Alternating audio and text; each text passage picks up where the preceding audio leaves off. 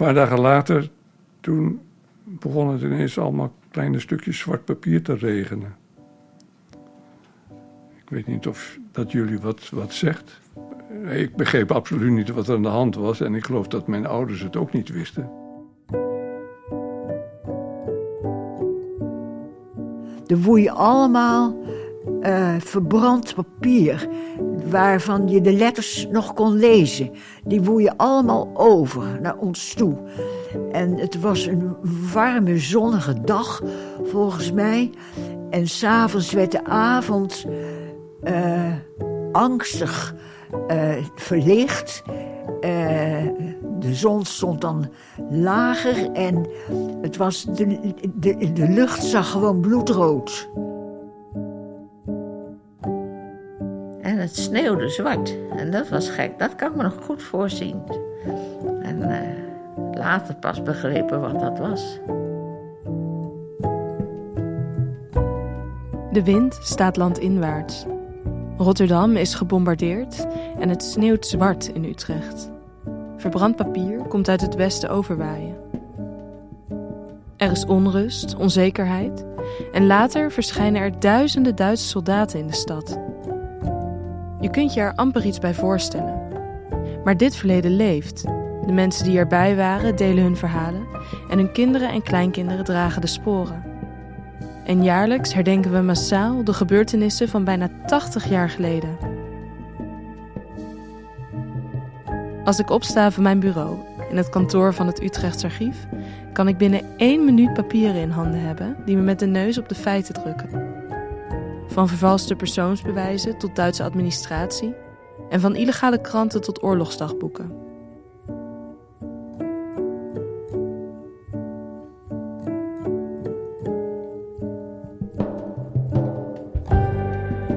Ik ben Meerte en samen met mijn collega Kathleen ga ik in gesprek met ooggetuigen, nabestaanden en experts op zoek naar de verhalen die schuilgaan achter de collectie van het Utrechts Archief.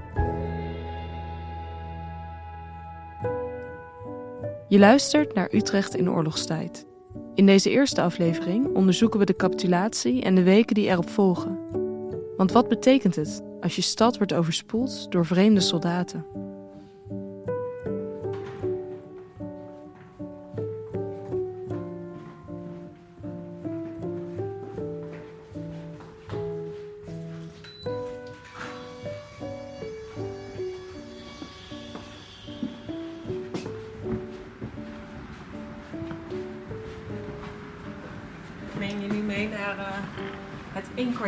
Inkwarteringsbureau, het archief daarvan.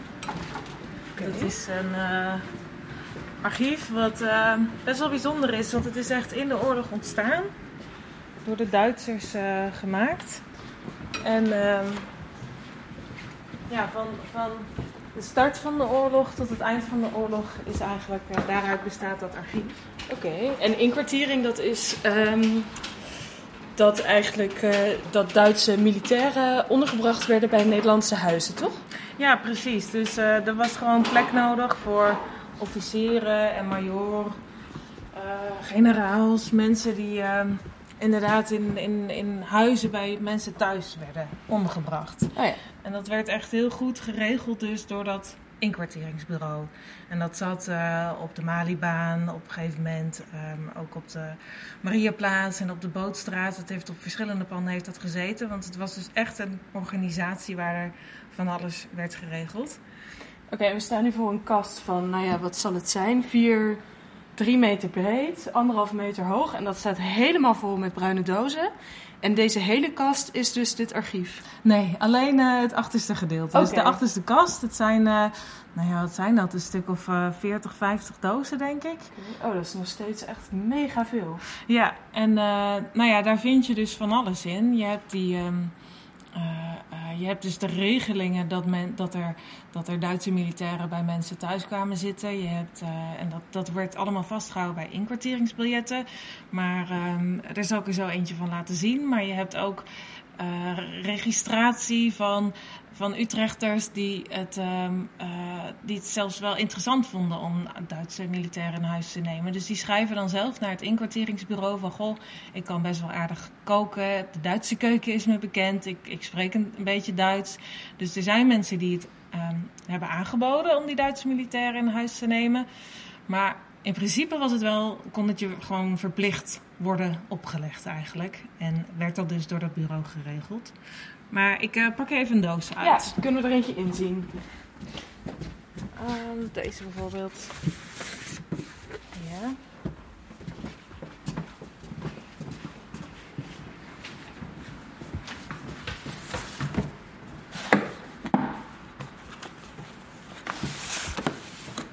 Goed beschermd in zuurvrij papier. Precies. En, eh, ja. Wat je hier dus ziet, is zo'n inkwarteringsbiljet. Ja, gewoon een invulformuliertje eigenlijk. Met eh, de belangrijkste gegevens erop. Precies, dus je hebt hier, eh, er staat hotel, maar je hebt, eh, daaronder staat den heer mevrouw. Want er werden best wel wat militairen in hotels in Utrecht ook ondergebracht. Maar dit zijn echt ehm, de formulieren voor de particulieren eigenlijk. En er staat hier inderdaad mm, meneer eh Bijter. Hij woonde op het H.J. Schimmelplein. Is dat goed? Ja. En daar, ja, hier staat dan Nou ja, één officier of onderofficier zat er bij hem in huis. Ja, en je hebt hier dan eh, in dat standaardformulier staan... de eerste nacht was van 1 januari 1941 tot 2 januari 1941. Oh, dus die heeft echt maar één nachtje daar geslapen. Nee, dat is dan echt... Dat was de eerste nacht dat hij hier was. Maar ik zie hier, dat is dan een stempel geweest... waarop staat verlengbiljet. En eh, dat betekent dat er ergens nog zo'n formuliertje is gemaakt... met weer, nou ja, van welke nacht tot welke nacht hij er is geweest. Ehm, dus die mensen die bleven ook best wel... Nou, meestal werd er voor een maand eigenlijk zoiets geregeld. En dan voor de volgende maand kon je weer een, eh, zo'n invulbiljet krijgen. En deze hele doos zit eigenlijk vol met allemaal van dit soort formulieren. Ja, het zijn echt gigantisch veel. We hebben bij elkaar iets van ehm, 800 eh, eh, adressen, 10.000 van dit soort formuliertjes. Waar dus, nou ja, wat ik zei, door die, door die verlenging heb je dan vaker eh, hetzelfde adres op zo'n biljet staan. Maar het zijn echt duizenden formuliertjes bij elkaar. En dat brengt dus eigenlijk eh, heel goed in kaart waar er allemaal Duitse militairen werden ondergebracht eh, in onze stad.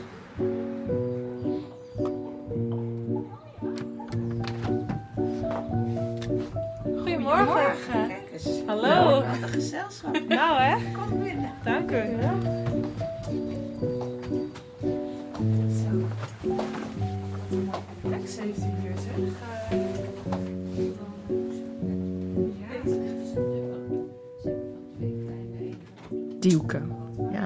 Ze- Djoeke zeggen wij, dus spreken wij dat uit. Het is een Fries naam, Fries, ja, ja. Maar je spreekt hem uit als Djoeke. Duke. Oké. Kathleen en ik zijn op bezoek bij Duke Kieboom. We worden ontvangen in een comfortabel appartement.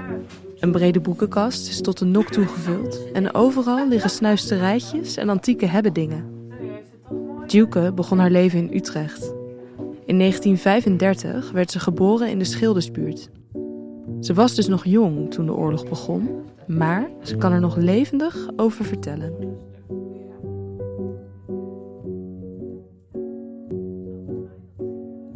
Ik weet nog goed hoor, s ochtends om zes uur werd gebeld. En mijn vader kijkt bovenuit het badkamerraam wie er voor de deur stond. Dat was de buurman, meneer De Wilde. En eh, die zei, de Duitsers zijn ons land binnengevallen.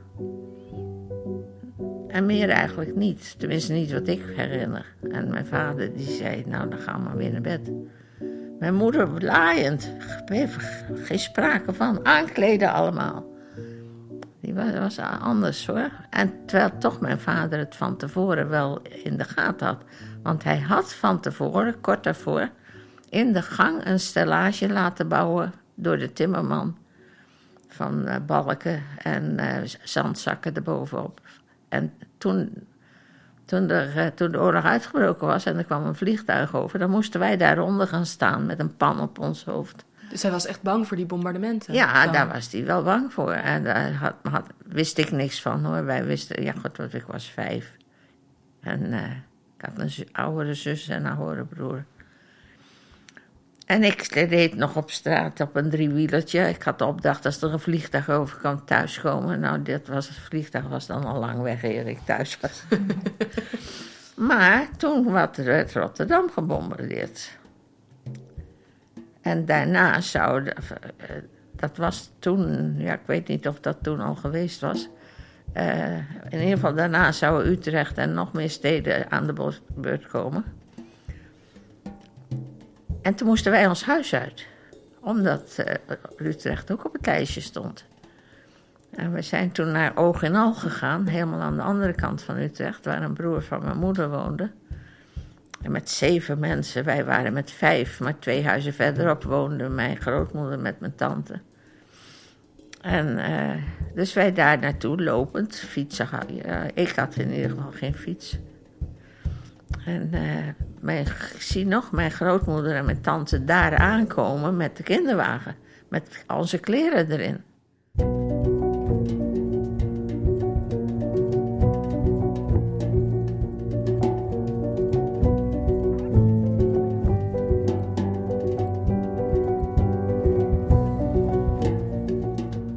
Dit is verslag van burgemeester Ter Pelkwijk, 10 mei 1940. 10 mei wordt s'nachts goed vier uur wakker door vliegmachines en afweergeschut. Van balkon af zie ik grote groepen vliegtuigen. Telefoon gaat, hoofdluchtbescherming. Meldt radiobericht Duitsers hebben Waalhaven, Ipenburg, Schiphol gebombardeerd. Ik word daarna telefoon van hoofdcommissaris van politie. Zelfde bericht, het is oorlog met Duitsland. Kleed me vlug aan, pak koffer om op stadhuis te kunnen blijven en bestel taxi. Op straat staan groepjes mensen. Spreek bevolking herhaaldelijk toe via radiodistributie om maatregelen bekend te maken. Door luidsprekers die voor luchtalarm zijn opgesteld, bereik ik mensen op straat. Ik wil burgers geruststellen en waarschuwen en betrouwbare inlichtingen geven.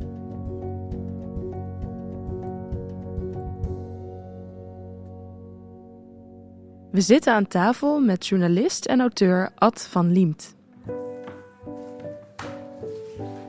Ad schreef vaak over de Tweede Wereldoorlog en is nog altijd actief met vele projecten, programma's, boeken en artikelen. Vandaag ontmoeten we hem in de Van Heukelomzaal in de Domtoren.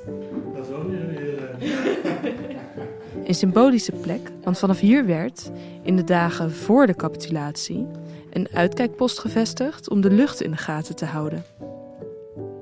De angst voor Duitse vliegtuigen was groot.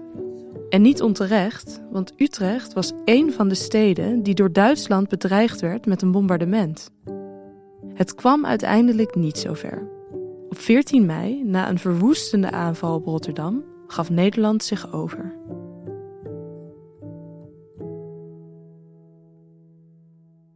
Eigenlijk moet je zeggen, als de Duitsers Utrecht binnenkomen, dat is op 15 mei, hè, dan komen ze uit het oosten, dus van uh, Zeist Beeld over de Beeldstraat, uh, Witte Vrouwenstraat, Voorstraat, Pottenstraat, dus zo dwars door de stad. Dan, uh, wat dan opvalt op de foto's, dus er zijn vrij veel foto's, mooie foto's gemaakt. Het is een onbeschadigde stad. Dat is eigenlijk voor ons idee vreemd, hè, want als er oorlog is en, het, en uh, er wordt gecapituleerd, dan heb je in je hoofd eigenlijk dat op puinhoop uh, grote vernielingen. Utrecht is totaal ongeschonden in de handen van de Duitsers gevallen. Dat is op zich natuurlijk wel heel gunstig. En komen die Duitse soldaten meteen op de dag ook van die capitulatie ja, binnen? 15 mei 15 komen mei. ze binnen. En op 16 mei, althans er is een foto van 16 mei... dan komt dat wielrijdersbataljon, dat komt van de andere kant... komt over de Leidse weg. Op de fiets dus? Op de fiets. Dat is, eh, dat is een prachtige foto. Zie je echt honderden Duitsers die uh, in rijen van drie uh, de stad binnen fietsen. Dat is voor ons eigenlijk een... Je verwacht tanks, hè? Maar het is voor ons eigenlijk heel merkwaardig om te zien dat de bezetter kwam op de fiets. Heeft ook wel een zekere uh, symbolische waarde, want uh, eerste doelstelling van Duitsers was natuurlijk Nederland zo snel mogelijk in bezit krijgen. Tweede was om het hier zo, zo rustig mogelijk te houden, dat er zo min mogelijk gedoe ontstond, dat uh, Nederland eigenlijk op een tamelijk vriendschappelijke wijze onder Duits beheer zou worden gebracht. Vandaar dat de soldaten ook opdracht hadden om zich correct te gedragen en om een vriendelijke indruk te maken. Nou, dat zie je op heel veel foto's. Eh, dat ze in het Wilhelminapark lopen of dat ze in Ogenal in het park lopen. En een hele relaxte indruk maken. En eh, dat is eigenlijk wel heel interessant. Dat, dat geldt dan vooral de weken daarna. We hebben langzamerhand behoorlijk veel materiaal van uh, Duitse soldaten, brieven die ze naar huis schrijven. En ik kwam citaten tegen waarin staat: Het is hier heerlijk. Echt Duitse soldaten die naar huis schrijven dat ze het geweldig hebben. Ze vinden Nederland ontzettend schoon, ontzettend rustig, vriendelijke mensen. Dus dat is eigenlijk niet zo'n heel aangenaam uh, bericht om, om te lezen, hè, dat ze het zo naar hun zin hadden. Klinkt een beetje als een vakantieoord wat ze dan ja. hier.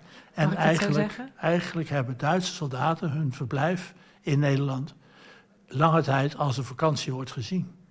Uh, want ja, hier waren in het eerste twee jaar zeker geen partisanengroepen. Er zijn wel wat verzetsgroepen opgepakt en ook uh, heel hard aangepakt. Maar in het begin waren dat geen, uh, was dat geen gewelddadig verzet. en die eerste tijd keek iedereen de kat uit de boom. Iedereen vroeg zich natuurlijk af wat, wat gaat er gebeuren. Wat, hebben we straks wel eten? Hebben we straks wel werk?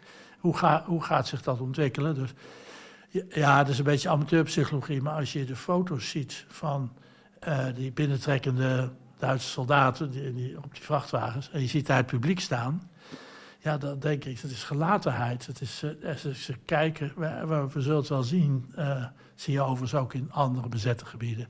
De mensen, enkeling staat kwaad te schreeuwen, maar in Nederland, in Utrecht, zie je ze eigenlijk heel gelaten dat over zich heen laten komen. Ik herinner me de eerste oorlogsdag. Dat was uh, op een zaterdag. 10, de, uh, 10 mei. Uh, en het was een hele mooie dag, schitterend weer.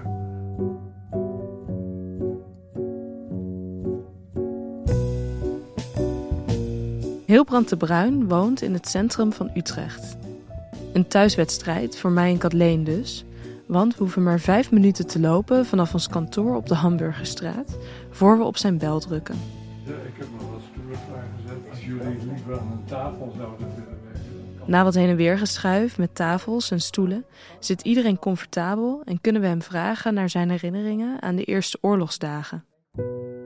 Hij moet even graven, want hij was pas zes toen de oorlog begon.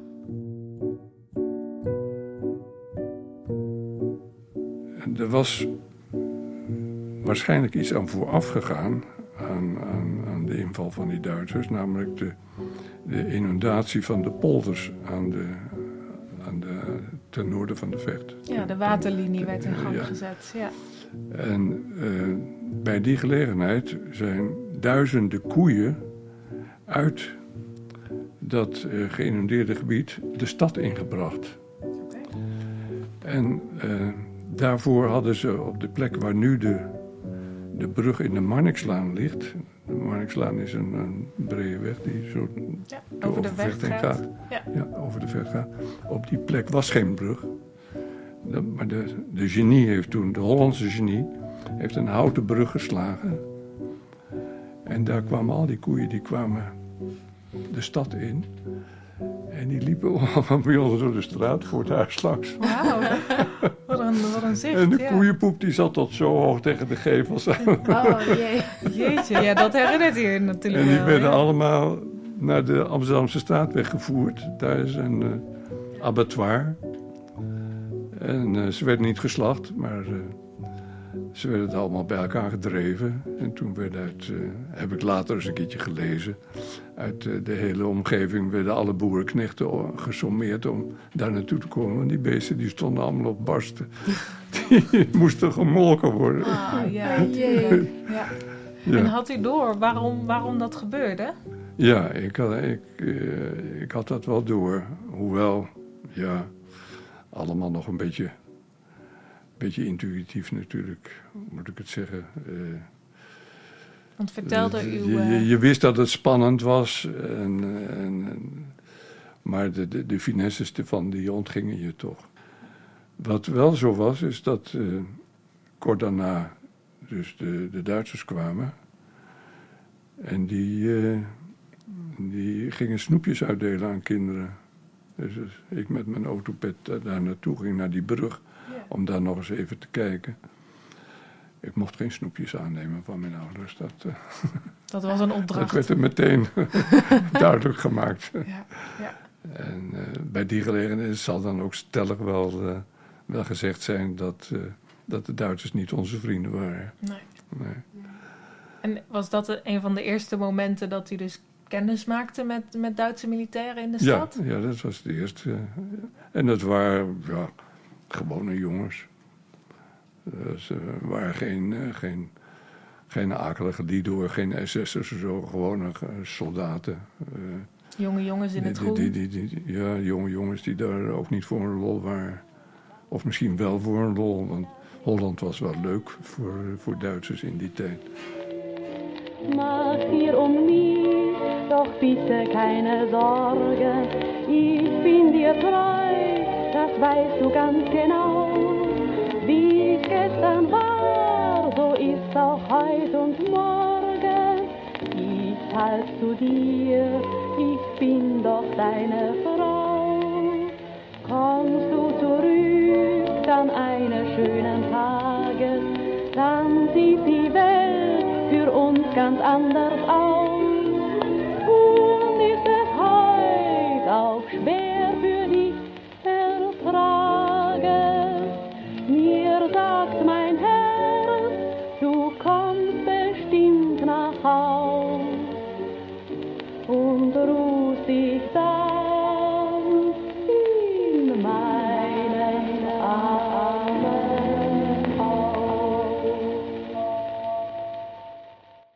En ik wil ook wel weten hoeveel eh, Duitse militairen Ja. kwamen eigenlijk binnen. Ik weet het niet precies. Ik dacht ongeveer 2000 in Utrecht. En was waar komen die dan terecht? Een garnizoenstad. Het, absoluut, overgrote merendeel komt in kazernes. Want eh, het Nederlandse leger heeft natuurlijk de kazernes niet meer nodig, want het is er niet meer. Ze zijn naar huis gestuurd. Dus de, er zijn, Utrecht had wel drie kazernes toen. En daar konden we het merendeel kwijt. En vervolgens zijn de officieren eh, in veel gevallen ingekwartierd. Daar was een heel systeem voor. Daar hebben jullie eh prachtig archief van eh Het gedigitaliseerd. Ja. En dus dat, daar, dat kan nu bestudeerd worden op detailniveau. Lijkt me ontzettend interessant, ben heel benieuwd wat daaruit komt. Maar over het algemeen is dat vrij soepel verlopen. Kijk, er waren natuurlijk heel veel mensen die het geld konden gebruiken. En je kreeg dus een bedrag per dag voor eh, het inkwartieren van, eh, van Duitse militairen. En die, die officieren en die generalen, die zaten vooral, denk ik, dan in de wat grotere, luxere Ja, huizen in Utrecht. Maar dat is niet alleen Utrecht, dat is in heel Nederland zo. Want daar al die grote panden in de, in de dure buurt, ja, daar zaten bijna overal Duitsers in gekwartierd. En in de achterbuurt zaten ze echt niet hoor. Daar hadden ze echt geen zin in. En gebeurde dat vrijwillig, die inkwartiering? Of? Eh, het kon gedwongen worden, maar dat, dat, dat deden ze liever niet eh, als je een vrijwilliger kunt vinden. Omdat ze die rust allemaal een beetje Het willen is veel bewaren? prettiger, rustiger. En dan hebben die mensen ook een beter kosthuis. Eh, maar ja, het zal ook vaak misgegaan zijn. Want na verloop van tijd, of vooral als ze een beetje veel drinken, dat deze nogal, dan is de lol er ook gauw vanaf. Dus ja, de mensen vingen graag wat extra's. Nou is die kwestie van geld wel heel erg interessant. Die gaat dan spelen. Eh, op een aantal vlakken. Een daarvan is bijvoorbeeld dat de Duitsers alles kopen wat los en vast zit. Tot enorme irritatie van, eh, van de, de burger. Wat bedoel je met kopen? De, de- Gewoon in de spul? winkels. In de winkels. Ja, ja. Het meest toonaangevende waren taartjes.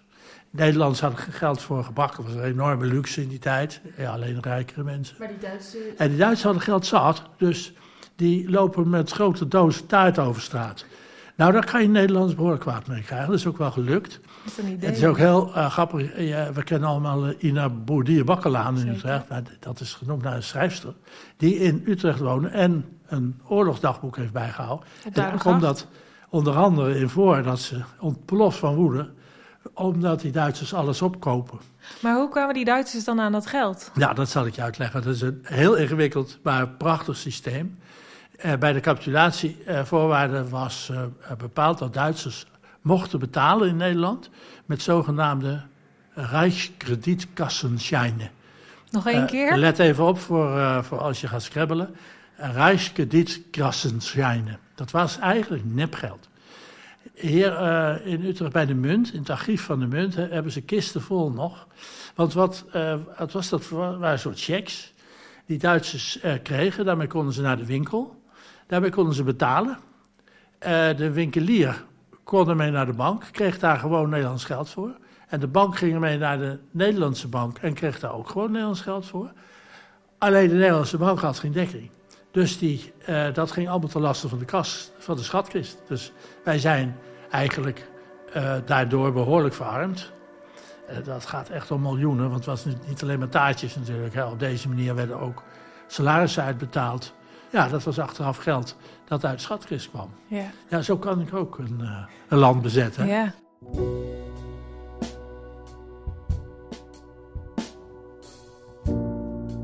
Het leven ging eigenlijk weer gewoon voor ons gewone mensen. Ging het leven eigenlijk weer gewoon door. ja. U kon naar school. Je kon naar school terug, je kon naar je werk terug. Ja. Maar er ontstond een enorme haat langzamerhand eh, eh, tegen die Duitsers die hier maar binnenkwamen. En eh, het realiseerde je dat het krankzinnig is. Dat alsof je buurman zeg maar bij jou binnenvalt en jou eens even de les gaat lezen. En er werden ook eh, heel snel al eh, bonnen eh, gedrukt, eh, waarvan ik echt nog verschillende heb, die nummers hadden. En dan kreeg je toewijzingen, dat hoorde je dan, las je in de krant of eh, je hoorde het op de radio, dat weet ik niet precies meer. Ehm, maar waar, op welke bonnen je brood kon kopen. Ik heb ook nog foto's waarin wij als jonge meisjes soms bij elkaar logeerden. En waarin we ons verkleden. Want ja, je bleef je vrolijkheid natuurlijk toch zelf houden. Riek Hoefsmit is onze oudste ooggetuige. Ze was 15 toen de oorlog begon en nadert inmiddels de 100. Nou, degene die eh, vragen stelt, die moet maar daar gaan zitten. Dat is goed. Ik weet niet wie dat is. Want mijn Anders moeder, dan vechten jullie er maar om. mijn moeder is bijna blind. We worden binnengelaten door haar dochter en naar de woonkamer geleid. Daar wacht Riek ons op in een grote stoffen fauteuil. Riek is geboren en getogen Utrechtse en woont in de buurt van Stadion Galgenwaard. Vlakbij waar ze opgroeide, in de Schildersbuurt.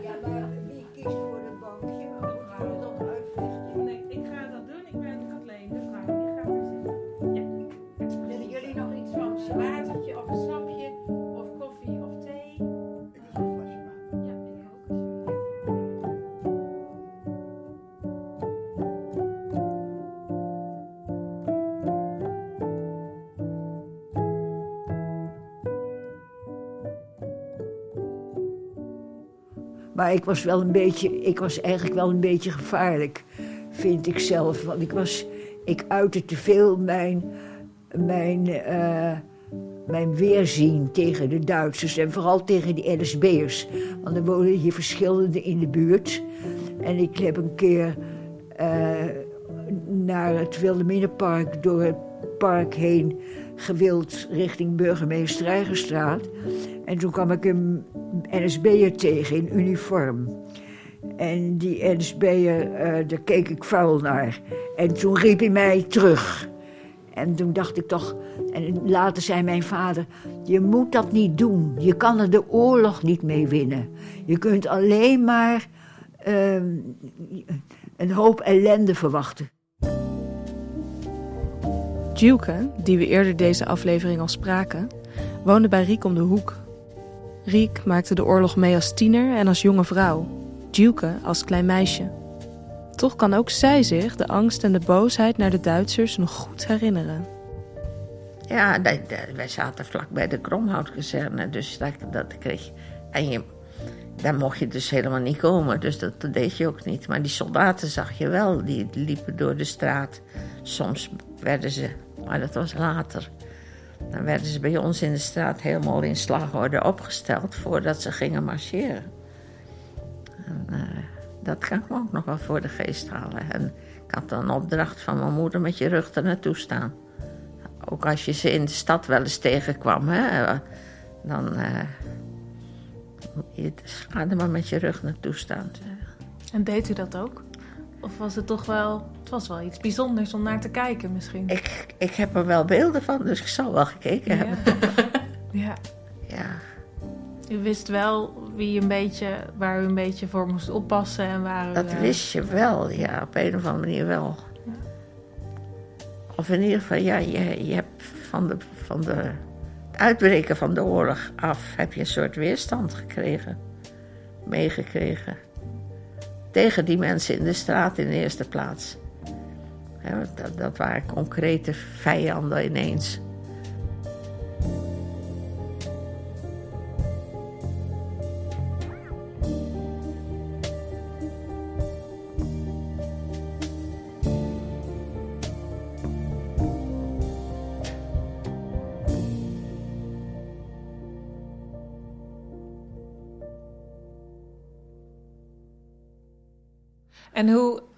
Ik heb nou dus dat beeld van die Duitsers die met taart over straat lopen. Ja. Maar hoe, wat, wat doen zij eigenlijk nog meer? Als er, er wordt niet gevochten die eerste Nee. weken, dat eerste jaar. Je zegt het was best rustig. Waar houden die Duitse militairen zich Dat is mee wel een bezig goede vraag, want ik kan hem zelf niet zo 1, 2, 3 beantwoorden. Ze deden volgens mij bijna niks. Een beetje oefenen en een beetje eh, bewaken. Hè? Want eh, ja, ja, de, Wel op straat echt lopen? ja, dus er waren, waren natuurlijk gebouwen die bewaakt moesten worden. En eh, dat vertrouwden ze natuurlijk niet allemaal aan de Nederlanders toe. Dus ze waren wel heel zichtbaar. Ze waren heel zichtbaar, was ook de bedoeling. Maar ze hadden het dus heel erg goed. Nou moet je, eh, het valt eigenlijk op dat je heel weinig wapens ziet. En Op de dat- foto's ook, hè? Hm? Op foto's, Op foto's zie je ziet eigenlijk nooit wapens. En dat komt, gek genoeg, eh, onder andere vooral omdat ze geen wapens hadden. Ze waren heel slecht bewapend en dat was ook niet erg, want ze hadden het hier helemaal niet nodig.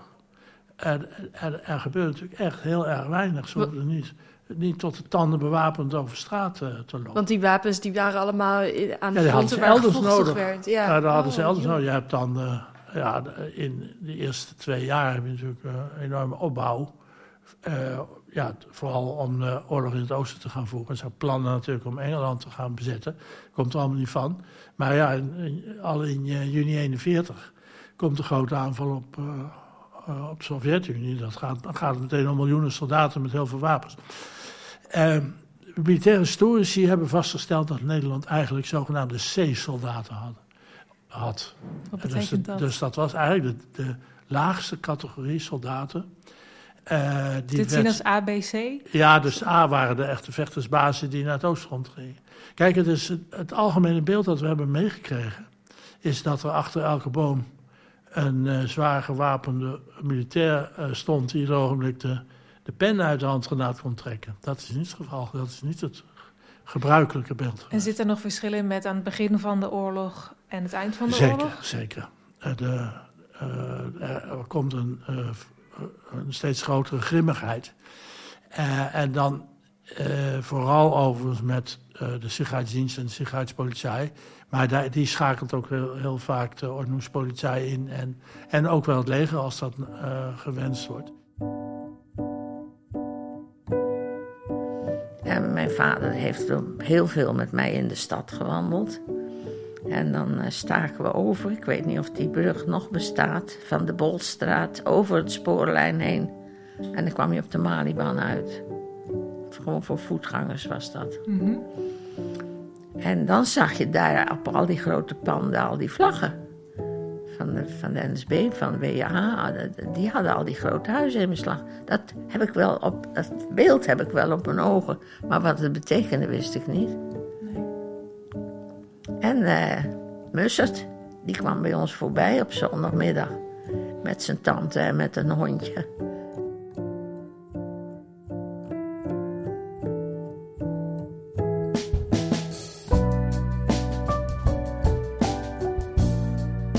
Bedankt dat je hebt geluisterd naar Utrecht in oorlogstijd.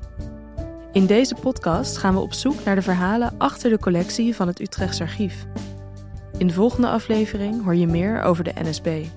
Abonneer je in je podcast-app om geen enkele aflevering te missen.